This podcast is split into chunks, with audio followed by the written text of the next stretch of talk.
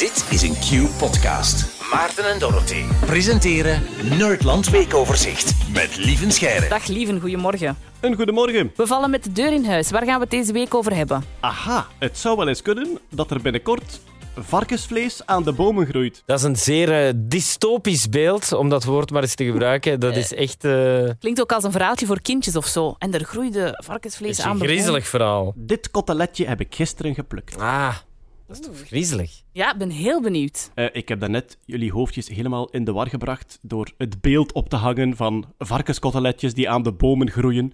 Het is iets minder grafisch dan dat. Oké. Maar er wordt momenteel onderzoek gedaan naar...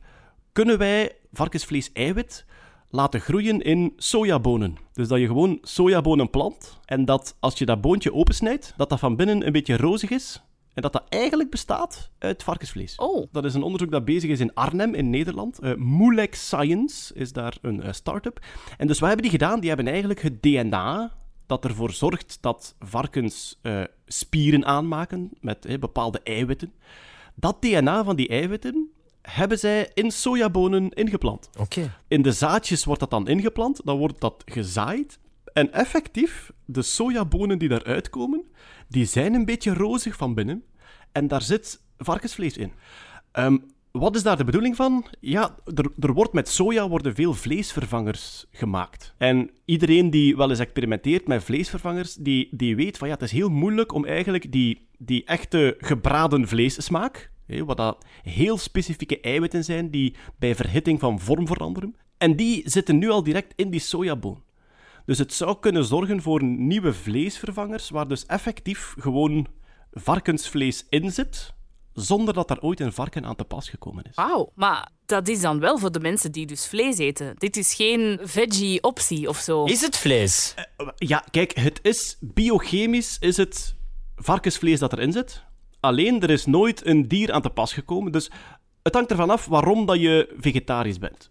Ik ben er zeker van dat er vegetariërs zijn die zeggen: eh, eet toch gewoon sojabonen en doe niet onnozel. Dat snap ik volledig. Ja.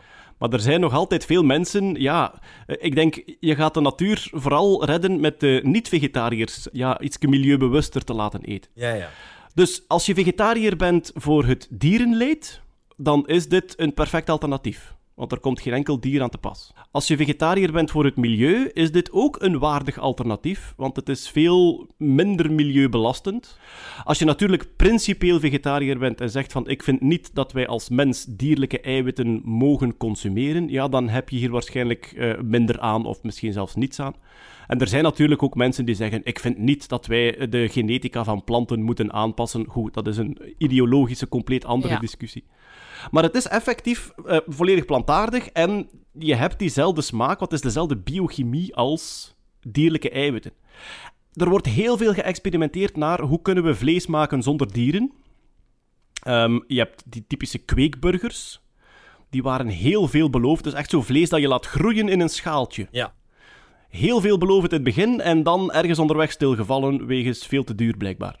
Ja. Er zijn ook mensen die dierlijke eiwitten laten maken door gistcellen eh, in een groot reactorvat. Dat is een bioreactor. Dat is echt wel science fiction. Ik heb er een paar keer naast mogen staan. Dat is een grote inox-kuip die staat te broebelen met zo'n raampje daarin. En dan zie je zo een, een lichte roze vloeistof waar dan zo luchtbelletjes doorgaan. En in die kuip zit een enorme soep van voedingsstoffen en gistcellen die die voedingsstoffen omzetten in dierlijke eiwitten. En die filteren ze er dan uit en daar kunnen ze eh, ofwel vleesvervangers van maken, of zelfs ook kaas proberen ze ervan te maken. Ik ben een technologie-lover, dus ik vind dat altijd fijn, zo van die vooruitgang. En als dieren niet moeten lijden, ja, dat is een surplus toch wel, hè?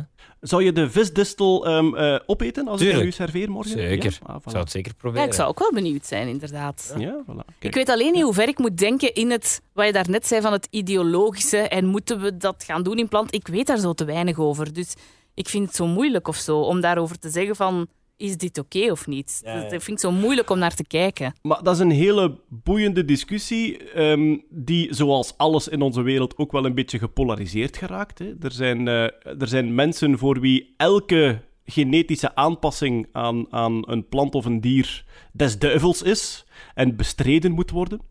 Eh, er zijn mensen die zich oprechte zorgen maken over kan dit zich verspreiden in de natuur, kan dat dingen ontwrichten. Eh, en dan is er voor mij eh, toch een beetje de gulden middenweg, eh, waar ze gaan kijken naar welke genetische aanpassingen vormen gewoon echt een enorm voordeel voor onze belasting van Ja. het milieu. Ja, ja. Ik denk dat dat dan een beetje onder ecomodernisme valt. Hè? Ehm, waardoor dat je met moderne technieken de menselijke milieubelasting naar beneden eh, probeert te krijgen. En we moeten daar allemaal niet lichtzinnig mee omgaan en, en dat ook goed in de gaten houden.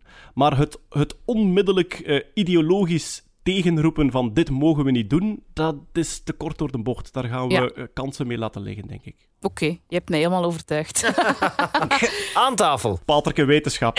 ik ben helemaal mee en ik ben nu al benieuwd naar het Nerdland Weekoverzicht volgende week. Heel graag tot dan, lieve Scheire. Tot dan! Dit was een podcast van Q-Music. Wil je meer? Wil je meer? Kijk op qmusic.be.